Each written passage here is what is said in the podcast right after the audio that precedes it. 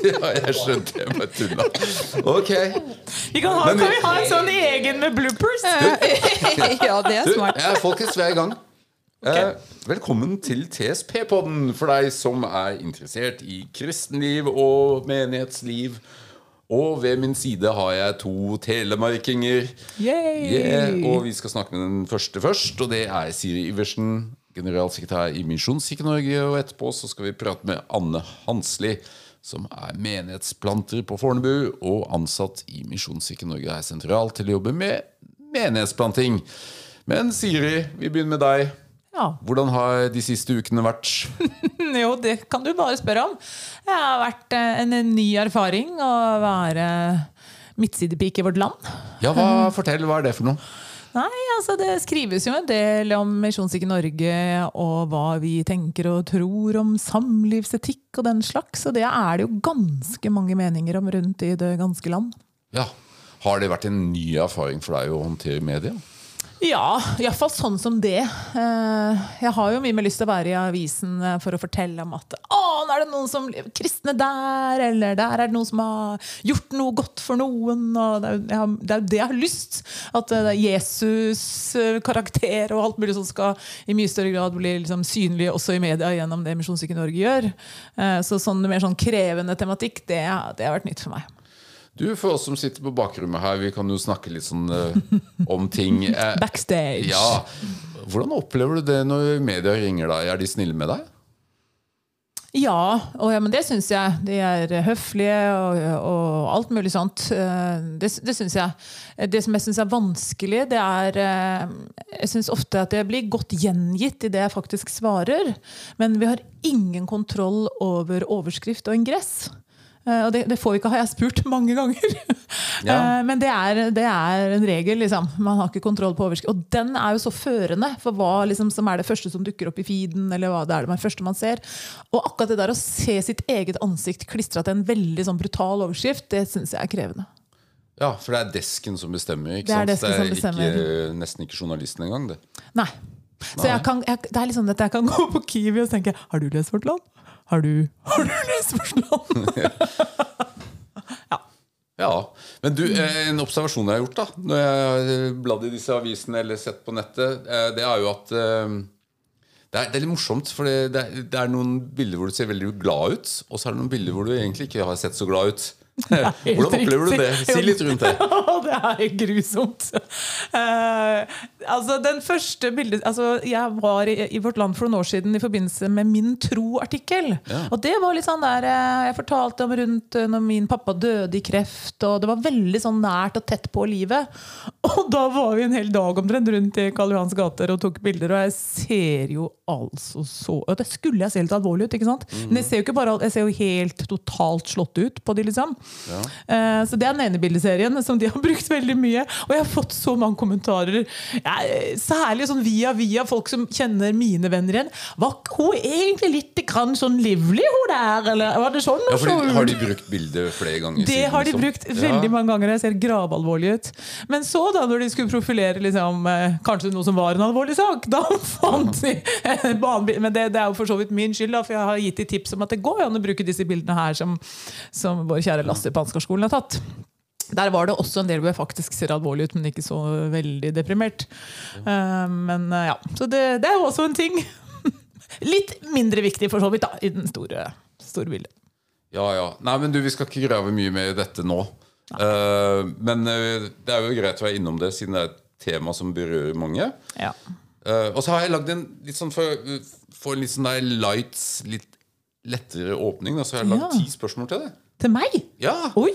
Og det er sånn der, altså, det er jo sånn det- Du skal Altså, dette er jeg ikke forberedt på, Nei, kjære nei, det lyttere. var jo helt nytt. Altså, Ja. Men det er liksom det er enten det eller det, ikke sant? Ja, ok. Oh. Ja, sånn veldig enkelt. Og det er helst så ikke si pass. Ok. ja, nei, altså det er jo, Vi vi begynner veldig enkelt, så blir det litt verre etter hvert. Okay. Det er bare ti kjappe før vi går over på Anne her. Eh, kaffe eller te? Kaffe. Ok, Vintersport eller sommersport, da? Oh, vintersport. Oslo eller Kristiansand? Oi, oi, oi! Da må jeg si Oslo. Sier du Oslo? Ja, Hvorfor det? jeg elsker Oslo. Åh. Mercedes eller Audi? Audi. Lett. Erling Braut Haaland eller Martin Ødegaard? Couldn't care less. Martin Ødegaard, da. Åh. Vårt Land eller Dagen? Oh, oh, oh, må jeg svare? Du velger Misjonsblad. Ok, da. Bibelskoleleie Bibelskolelærer eller lokalpastor? Oi! mm, Lokalpastor. Ok. Sauens Dal eller Oasen? Saronsdal. Tim Keller eller Philip Jansis? Oi! Jeg har nok lest mer av Philip Yancey, jeg, altså. Også til slutt, da. eh, Kongo eller Hongkong. Det er jo misjonsland. Nei, det går ikke an å svare på! Jo, jo, jo. Ok da Nei, Hongkong er litt mer oppe hos meg akkurat nå, på grunn av det er jo en spesiell situasjon i forhold til Kina. og alt det som skjer der Så da går jeg for Hongkong. Og fordi eh, vår internasjonale leder Johan Arne akkurat har vært der. Ja. Så fint. Gøy!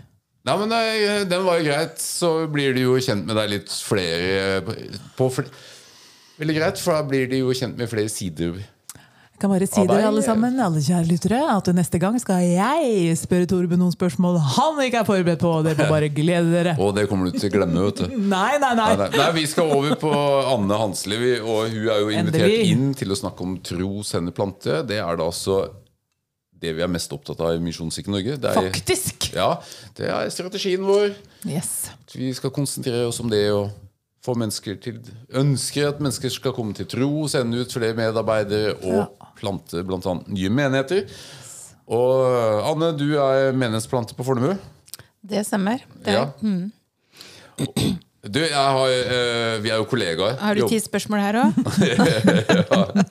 Nei, men jeg har eh, satt opp noen ting. Altså, Vi er jo eh, i samme avdeling, og nå må du rette meg om jeg har gjort noe feil her, men jeg har jo skrevet at du har vokst opp i Vinje i Telemark. Det er riktig. Yes, Og så har du gått lærerhøgskolen i Ja, Telemark. altså barnehagelærer, da. Ja. Eh, og så har du vært daglig leder i Pinsevennenes eh, barne- og ungdomsutvalg, som heter Pinse Ung i dag. Det er jo riktig. Var ikke du Det med og starta det? Nei, det var jeg ikke. Men jeg var var med Nei, det var eh, noen andre som starta med Tor Iljar, var jo første leder der, men jeg var nummer to. Ja. Ja. Og du var der ganske mange år, ikke sant? Elleve. Og så var det jo sånn der familiepastor-lignende sak i Salt Bergen, var det ikke det? Jo, det var jeg òg. Og så personalsjef i NLA. Det stemmer. Åssen har dere havna hos oss, da? Variert bakgrunn. Ja, ja. Nei, Altså En eh, barnehagelærerutdannelse kan brukes til det meste. ja, ja. Nei, det må jo sies, du har jo noen studiepoeng i teologi òg. Ja vært på det har jeg òg, både på bachelor- og masternivå. Ja da. Eh, så har du vært pastor i Bærum misjonskirke.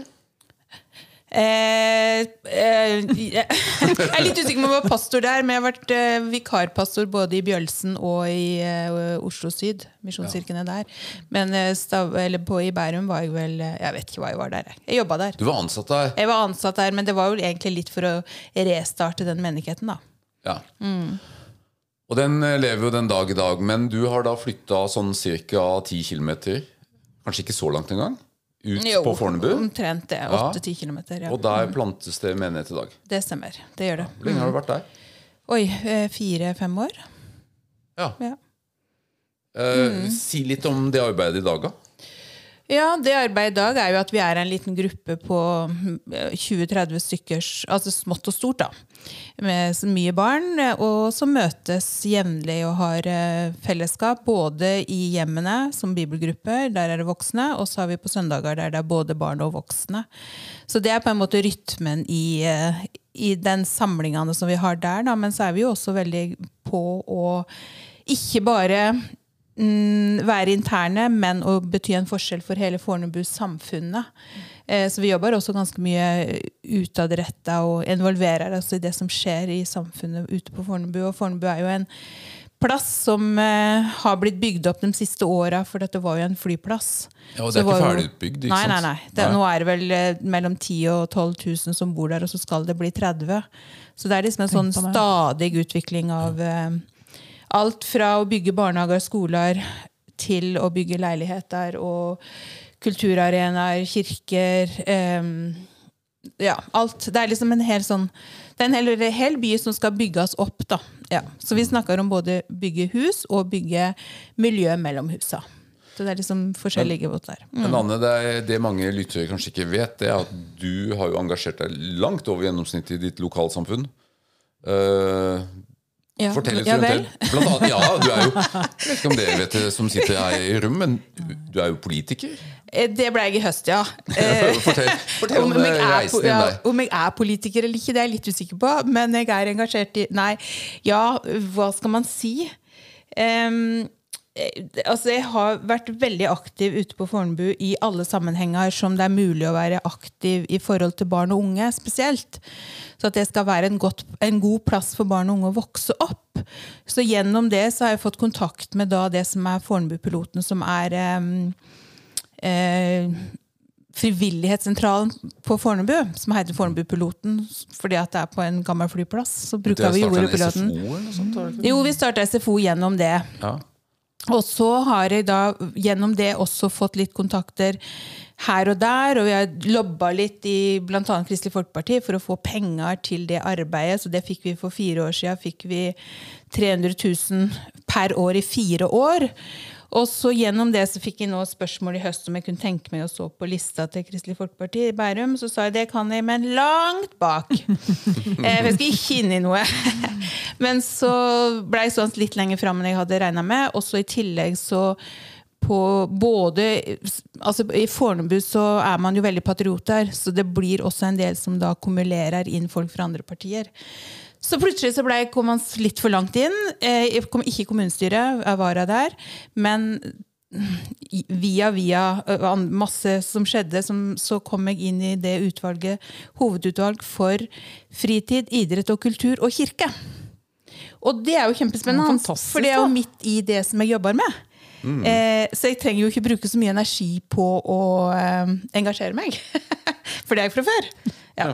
Så da sitter jeg der sammen med andre politikere i møte. Og jeg har hatt to møter da. Sist var budsjettmøte, og da hadde jeg grua meg hele dagen. Eh, for det er jo kjempeskummelt å skulle liksom Jo, men du er jo god på budsjett. Ja, budsjett, men her er det jo forhandlinger om Ja. å få penger til ulike ting. Nå er det noen andre som, også, som tar en sånn budsjettforhandlingsrunde. da. Og så har jo Bærum kommune har et um, borgerlig flertall. Så på en måte så ligger det jo nesten litt i korta før du går inn i møtet. hvordan det blir, Men du skal likevel forsvare en del av de sakene. da. Som var f.eks. mer penger til barn- og ungdomsarbeid i kirka. Eh, diakoner på eh, alders- og sykehjem. Eh, eh, ja, så det er liksom sånn så du, skal, du skal ha litt sånn hode med, og så kunne argumentere for hvorfor man skal gjøre dette. Du, Anne, fortell litt om hvordan havna en dame fra Telemark som bor i Bergen, på Fornebu? Ja, det er jo egentlig litt eh, i hvert fall din skyld, Torben. For vi, vi tok jo en master sammen. Og så har jo jeg eh, eh, Altså, for det, nå er det jo over 20 år siden at Fornebu flyplass ble lagt ned. Og da eh, skjønte jeg den gangen at her kommer det til å komme en by. For det blir ikke stå så tomt område uten noen ting i løpet av så mange, altså så, så kort på Oslo. Så da begynte jeg å be for det området og tenkte at her kommer det til å bli et eller annet som kommer til å skje. Men jeg var jo langt vekk fra at jeg skulle bort dit. Eh, og så eh, begynte vi på master, eller begynte på master sammen med de- begge, dere to. Og så snakka jeg en del med Torben, og han sa at det, det var noe sånt som, ro, øh, som rørte seg ut i Bærum, og litt replanting og litt sånn. Og så bestemte jeg meg å flytte fra Bergen tilbake til Oslo. Og da tenkte jeg at det er jo veldig dumt å ikke da flytte til Bærumsområdet. Og så engasjere meg i det som er der. Eh, og det, da visste jeg jo ikke Eller visste ikke at det var noe annet, eh, bortsett fra Pinnekirka i Sandvika, men jeg hadde lyst til å mer nærmere Fornebu-området, da. Så da tok jeg kontakt med Torben og spurte om eh, det var noe der. Og så var det en prosjektlederstilling, og så fikk jeg den. Og så har det balla på seg på en måte, så plutselig så ja, så bor jeg på Fornebu og prøver å engasjere meg og starte noe der ute. Mm. Det er en sånn, ja. Sånn ble det. Ja, Ja. tidlig. Ja. Jeg har ikke planlagt så mye av det, men Gud har vel planlagt noe mer, kanskje. Det er med andre ord spennende å begynne å be for et sted. Ja, det er litt farlig. Ja, Hva tenker du på da, Siri? Nei, at For 20 år siden bestemte hun seg for å begynne Ja. å be for Fornebu. Det er jo fantastisk, egentlig. da. Eh, og nå er du der og er engasjert i en menighetsplante der. Jeg synes det er, Og så er det veldig også litt av min for, Selv om jeg er født og oppvokst i Vinje, så hadde jeg en onkel og tante som bodde i Midtslesvei, som er eh, Altså vi, når vi satt i hagen der, så hadde vi flya over oss hele tida. Så det er også et veldig kjent område for meg fra min barndom. da. Så det var litt artig at jeg plutselig havner i min Ja. Så det, det er mange, mange ting. For Vi tenker veldig ofte i sånn korttidsperspektiv når vi står midt oppi ting, men så virker det ofte sånn som Gud har et litt sånn langtidsperspektiv på ting. da Og også i forhold til det å starte opp helt nye ting. Um, du, Vi har lyst til å grave litt i tro, sende, plante med deg også. Og uh, fortell litt om uh, du, du er et troende menneske. Uh, hvordan, Ja, hvordan ble du det? Hvordan Hvordan ble du en kristen? Ja, nei, vet du, altså Jeg er født og oppvokst i en kristenheim og i veldig aktiv menighetsmiljø oppe i Vinje. Det var en pinsemenighet. Blei vel dratt med fra jeg var liten inn i alt. Og så har jeg på en måte jeg- jeg- Det har bare vært med meg, på en måte. Den derre troa opplevde ikke noe sånn, Jeg kan ikke si at jeg ble frelst den dagen, men det har, det har fulgt meg gjennom hele livet. Og også fulgt meg altså Sånne små episoder som barn som bare forteller meg at Gud, Gud er til stede midt i min hverdag. da. Som jeg husker i En av historiene som jeg liksom bare husker veldig godt, det er når jeg eh, hadde fått en ring til jul, og mamma har sagt at den skal ikke ut, for da mister du den i snøen. Det er jo ikke så lett når man har fått en ny fin ring, så den ble jo med ut i snøen, og den havna i snøen. Og da bare sa jeg til Gud å, jeg må bare finne den ringen. Eh, Dette er for ille, liksom. Og så bare fant jeg ringen. Og så viste det med noe om Guds storhet og Guds eh, Ja, at han er med i Selv om jeg gjør feil ting, så hjelper han meg til å komme videre på en måte. Så det er, nok, det er nok mange sånne småting i løpet av det eh, livet som, er, som bare har gjort at eh, ja, dette er, eh, dette er til å stole på. Dette er noe som varer, på en måte. ja. Og så var vi ikke mange kristne, så enten måtte du velge å være det eller ikke. Og da ble det på en måte Da valgte jeg å være det, da, og stå i det, på en måte. Ja. Er det noe du tenker er sånn spesielt viktig i din tro? Sånn fra oppveksten av òg? Eh, ja, altså um, Fra oppveksten. Men jeg opplever nok at det, i løpet av hvert fall den siste tida så har Jesus blitt veldig veldig mye viktigere for meg. Og det handler om at han, den, at han blir veldig mye mer sånn per, personlig til stede. At det er liksom sånn at istedenfor Jeg er jo sånn som er veldig glad i å koble folk. Så jeg sier, hvis jeg hører om noen som er interessert i noe, så sier jeg ja, men da burde du snakke med den, for den har samme interessene som deg. Og så er det akkurat som at jeg føler at Jesus er jo den som jeg også kan si til Nei, men du, Jesus han, han er jo interessert i dette! Snakk med han om det, liksom. Så jeg føler nok at det er mer den derre at det utvikler seg litt med åra, den troa. Og, og at akkurat nå så er det bare Jeg bare kjenner at Jesus kan liksom bare Han er her! Og han kan hjelpe i alle situasjoner. Ja. Så det er ja, Vet ikke om det var svar, men det er derfor der jeg er akkurat nå. Altså Noen ganger så er det barndom som har prega mye av troen, og andre ganger så er det andre hendelser som liksom har satt sine spor. Er det noe spesielt hos deg i ditt liv, i din troshistorie, som har vært med å forme deg spesielt? Ehm, ja, eh, jeg tror også Jeg mista min onkel, han som jeg da snakka om, som bodde på eh, i Midtslesvei, i Bærum. Han mista jeg i en flyulykke eh, når jeg var rundt 20 år. Nei, det var jeg ikke 18. Og jeg var kjempesint på Gud, for jeg skjønte ikke helt pointet med at det skulle skje. Og det har nok prega troa mi på at eh, gjennom også sånne ting så, så er Gud til stede, og midt i den sorgen så kunne jeg også oppleve på en måte lovsangen da, i hjertet, selv om sorgen var veldig sterk. Så jeg opplevde hjerte, hjertekontakten med Gud. Og den der lovsangen og tilbedelsen i det. Som, det tror jeg har prega meg ganske mye. At, det, at livet er på en måte på godt og vondt. Og i, også det vonde så kan du få lov å tilbe Jesus. da. Eh, ja, så han står med. Så det, det, det sitter nok igjen som en ganske sånn skjellsettende opplevelse um, som gjorde noe med hele familien, og, og som gjorde noe med meg i møte med, med tro. Ja. Det tror jeg jeg kan si. Mm. Og så hadde jeg en sånn kallsopplevelse som 11-12-åring, der jeg bare visste at det, Gud sa misjonsbefaling, gå ut og gjør alle folkeslag til disipler. Og jeg visste at det handla ikke om verden, men det handla om Norge. Eh, Så det også har jeg vært veldig sånn tydelig på at det, var, det skjedde noe som 11-12-åring. Ja, Hvordan opplevde du det? Nei, jeg bare opplevde at Gud bare kom og sa det. Og så tenkte jeg ja vel. Og så sa jeg det til mamma. At, eh, men jeg tror ikke det er verden. Altså, jeg tror ikke det er utafor Norge. Veldig sånn panikk for at jeg skulle reise andre plasser. Og så mm, jeg tror jeg også det har vært med på å prege hele alle valgene mine, da, på en måte. Ja. Jeg er, jeg, det er to, to eh, bilder som jeg alltid har på netthinna. Det ene er norgeskartet. Jeg er veldig god på norgeskartet. For det har jeg alltid jobba liksom. Jeg har jo alltid jobba med nasjonalt. Både i pinsebevegelsen og nå her. Så derfor er norgeskartet veldig sånn Det ligger på netthinna mi, og så er det barneøyne.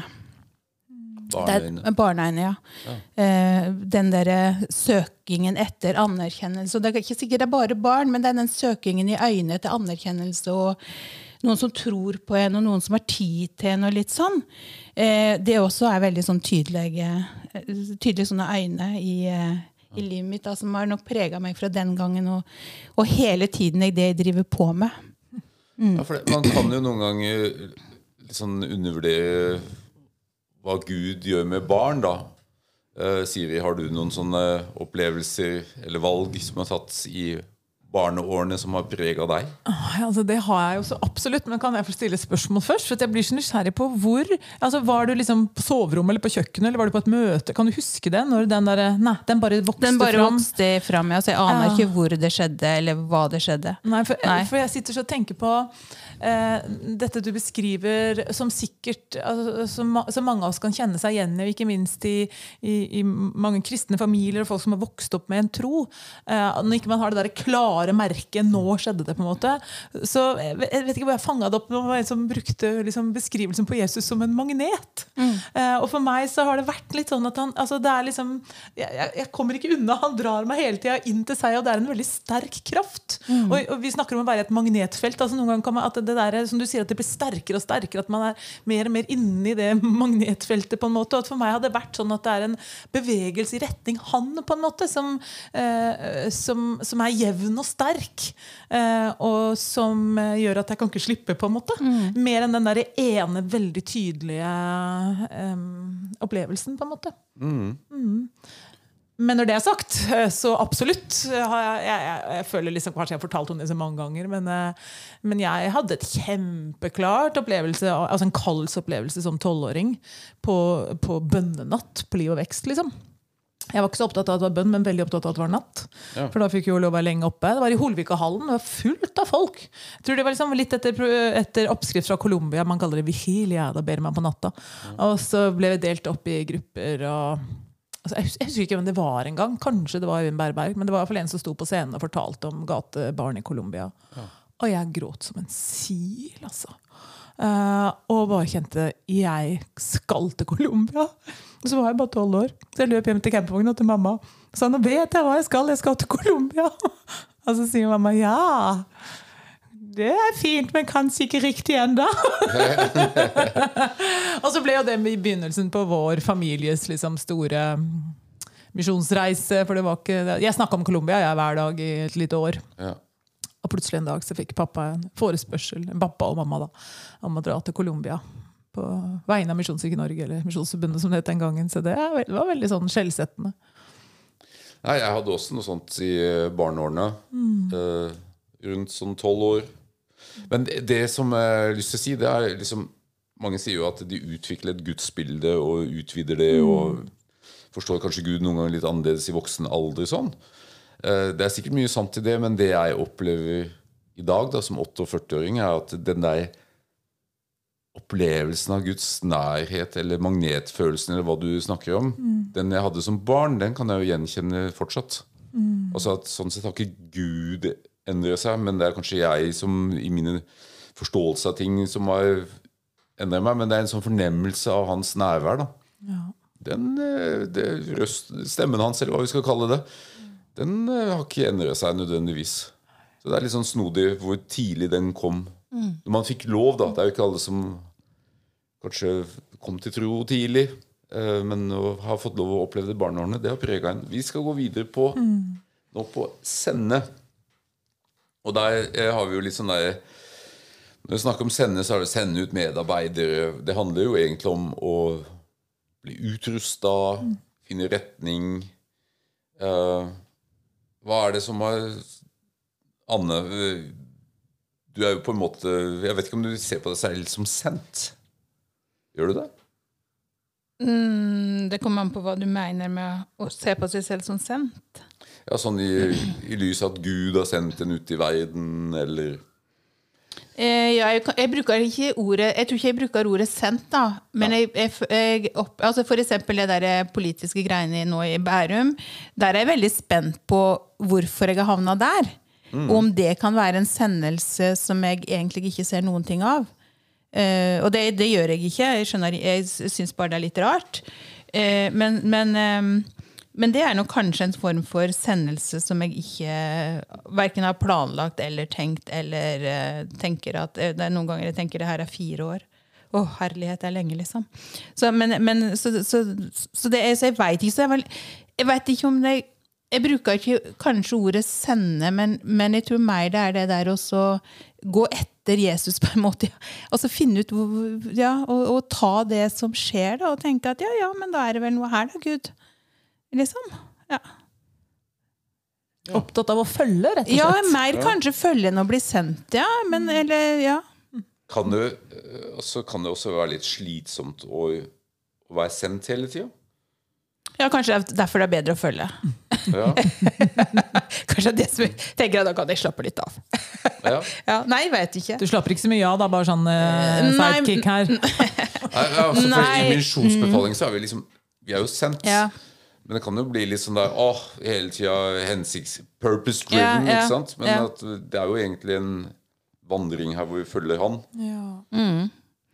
Ja, jeg tror egentlig at, vi, at man eh, Jeg tror du kan gjøre utrolig mye eh, og ha mange baller eller jern i ilden uten å bli sliten, da. Hvis du opplever en hensikt, eller at dette er godt å være i, på en måte. Men jeg har jo også vært i situasjoner der jeg har kjent at jeg er helt på feil plass. Eh, og det er jo kjempeslitsomt. Da har du jo egentlig bare lyst til å gråte nesten hele tiden, for at dette, dette føles ikke godt. Så, så, så, så jeg tror, men jeg tror at vi trenger kanskje også ikke la ting eh, Altså ikke hele tiden skal føle på prestasjonen, da, men meg i hvilen på at jeg er her, og det er Guds plan akkurat nå, og dette kjentes godt ut.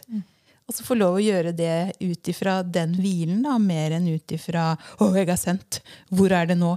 Jeg kan kjenne på den av og til liksom, når man planter menighet, og bare tenke 'Å, hva skal jeg finne på nå for at vi skal komme videre?' Og hva er det, ikke sant? Og så, og så kjenne på den der litt sånn stressheten, da. Men jeg opplever nok at det er bedre hvis jeg klarer å legge den vekk.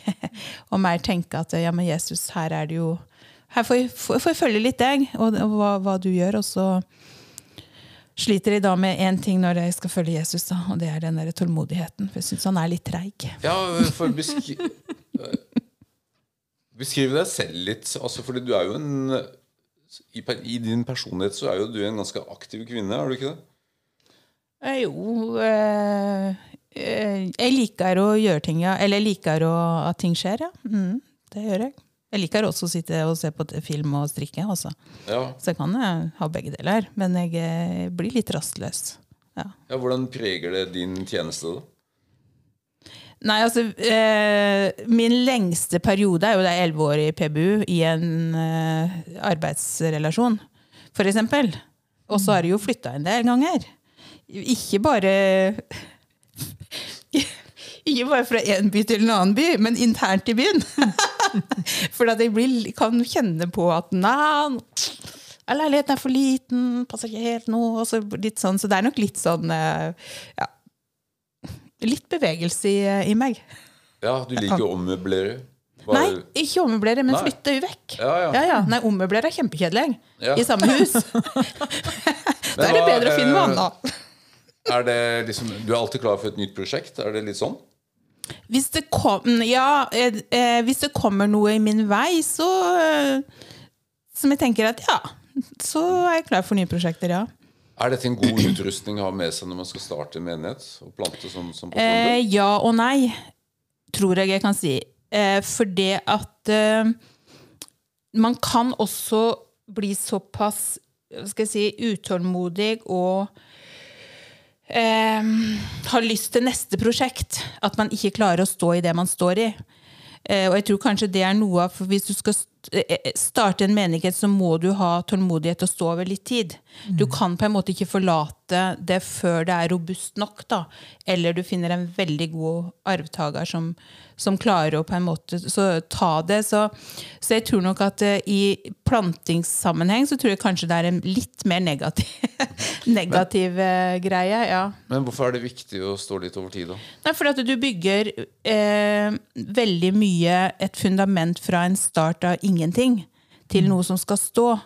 Og det tar ikke et år eller et halvt år, men det tar litt tid. Ja, Hva er det fundamentet? Nei, det er liksom hva er det, Hvorfor skal vi bygge menighet her? Hvordan skal det se ut? Hva er det vi tror på?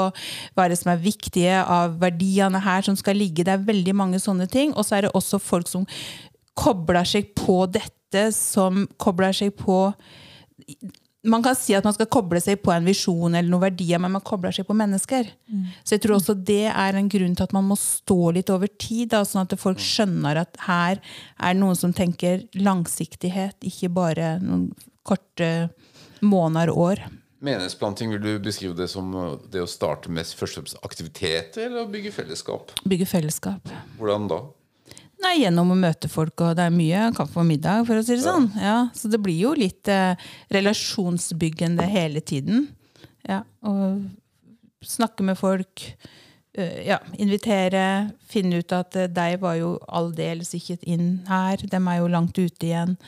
De flytta jo etter første middagen. Liksom. Altså, det er jo hele tiden sånn som man bygger, bygger folk. Men, så, men jeg tror at man bygger em, et, eh, relasjoner med mennesker som tror, og finner deg, for vi, vi må finne hverandre også som tror, men så er det også å bygge da det em, relasjonene med deg i det samfunnet man er en del av. Og det òg tror jeg at man trenger å ha litt langsiktighet. da. At noen faktisk eh, Jeg husker da jeg flytta til Fornebu, bare fra Stabekk, som da er ca. 10 km, så var det noe annet som skjedde. Å ja, du bor her, ja. Du er en av oss, ja. Eh, og hvis jeg da hadde flytta ut igjen etter to år, liksom, så tror jeg ikke at den troverdigheten hadde vært like sterk. da.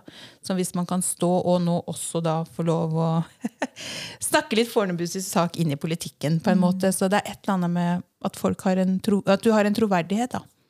Vi snakker jo om uh, sendt. Ja. Og når du da bygger opp dette fellesskapet, er det viktig at uh, at uh, fellesskapet har en identitet i det å være sendt? Eller er det mer et kosefellesskap, liksom? Nei, nei. altså, jeg Ja. forstår meg rett. Altså, Ja, det er det òg. Det er kose òg. Nei, jeg tror at det er viktig at man føler seg sendt og til folka man er en del av, og, og kunne formidle Guds godhet og Guds kjærlighet til menneskene rundt en. For det er, jo, det er jo det vi ønsker, at folk skal bli kjent med Jesus.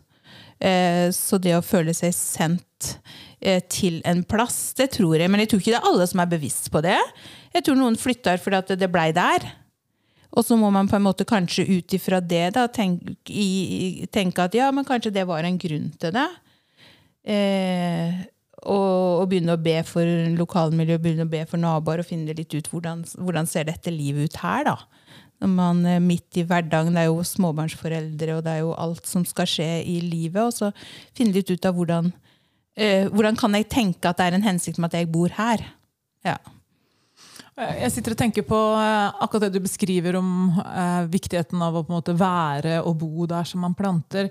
Jeg tenker, Det, det er jo liksom fancy eh, teologiord, men inkarnasjonen er jo et av vårt store forbilder i det å plante. Altså Det at Jesus ikke bare er en svevende ånd, eller et eller annet fjernt, men han ble noe så crazy som faktisk et menneske. Eh, og at han ble en av oss så til de grader, og ikke heller bare et sånn, på et generelt sted, men faktisk et helt fysisk sted i en ingen fysisk tid. Eh, og det, eh, det tenker jeg er en kjempemodell. Et veldig viktig forbilde i det å, å skulle plante. Vi også flytta jo bare en liten mil, på en måte. Men det er jo likevel ofte en helt annen verden. Og du, man treffer folk på den samme butikken, eller eh, ja, er, er en, en del av et lokalmiljø. Eh, nå har jo du et litt større lokalmiljø enn det jeg bor på et nokså lite sted, men likevel. Jeg tror det er kjempe, kjempeviktig, og du beskriver det veldig fint. Hvordan ble det en ny verden?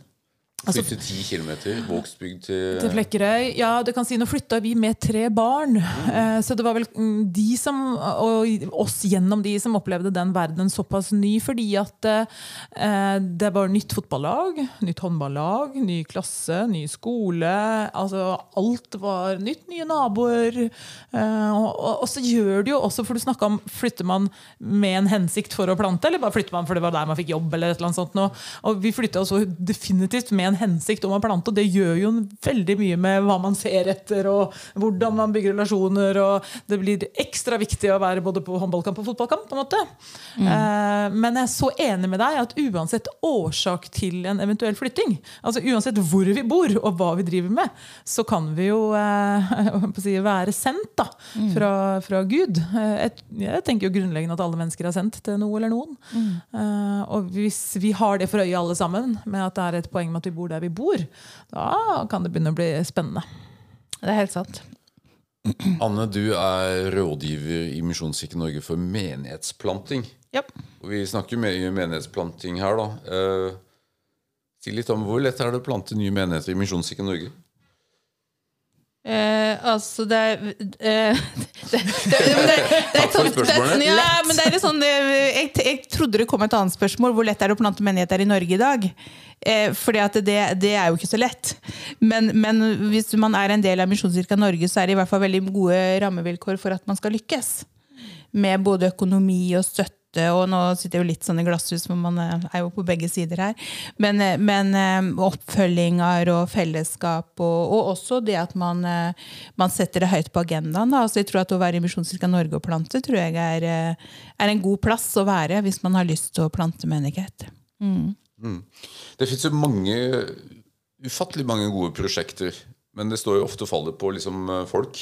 Ja. Uh, hvordan er liksom etterveksten av folk som uh, vurderer å plante menighet? Jeg syns det bare kommer flere og flere. Det er kjempegøy. kjempegøy. Er det et, eh, eh, skifte? Ja, jeg syns det. Jeg syns det er mange av de unge som, eh, som tar dette på alvor, liksom, og vurderer det. Og, og uh, har vært med på litt samlinger. Og, så jeg synes at uh, Jeg har et stor tro på at uh, det kommer til å skje noe framover. Jeg tror, en, jeg tror vi kan, kommer til å se en litt sånn bevegelse av mennesker som flytta litt. Ja, hvordan da?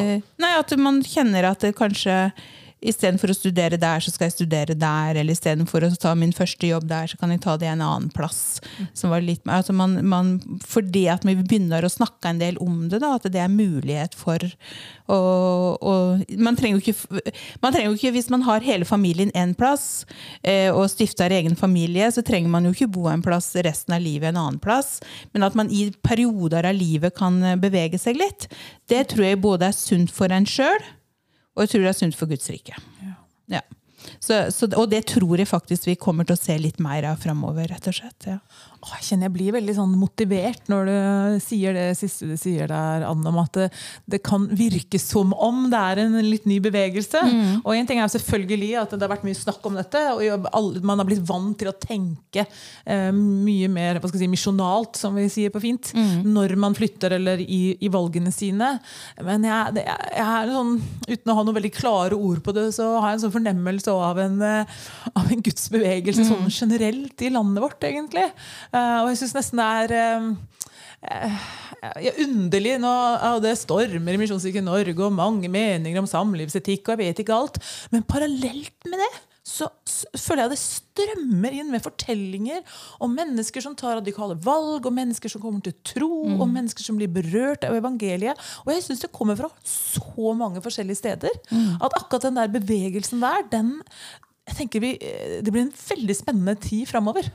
Ja, for Det som er litt sånn snodig, da, det er jo at eh, Norge er jo veldig forskjellig, som det kristne kirkelandskapet og sånn. Eh, Men det virker jo sånn som det er litt sånn planting over hele linja. Har du litt opplevelsen av det, Anne? Ja. Der også tror jeg også at vi ser at eh, plantinga blir At det også utvikler seg med samfunnet, da, på en måte. At vi, vi ser plantinga kanskje i, i mindre skalaer. Altså, menighetene blir mindre, men allikevel kanskje når mer ut til lokalsamfunn.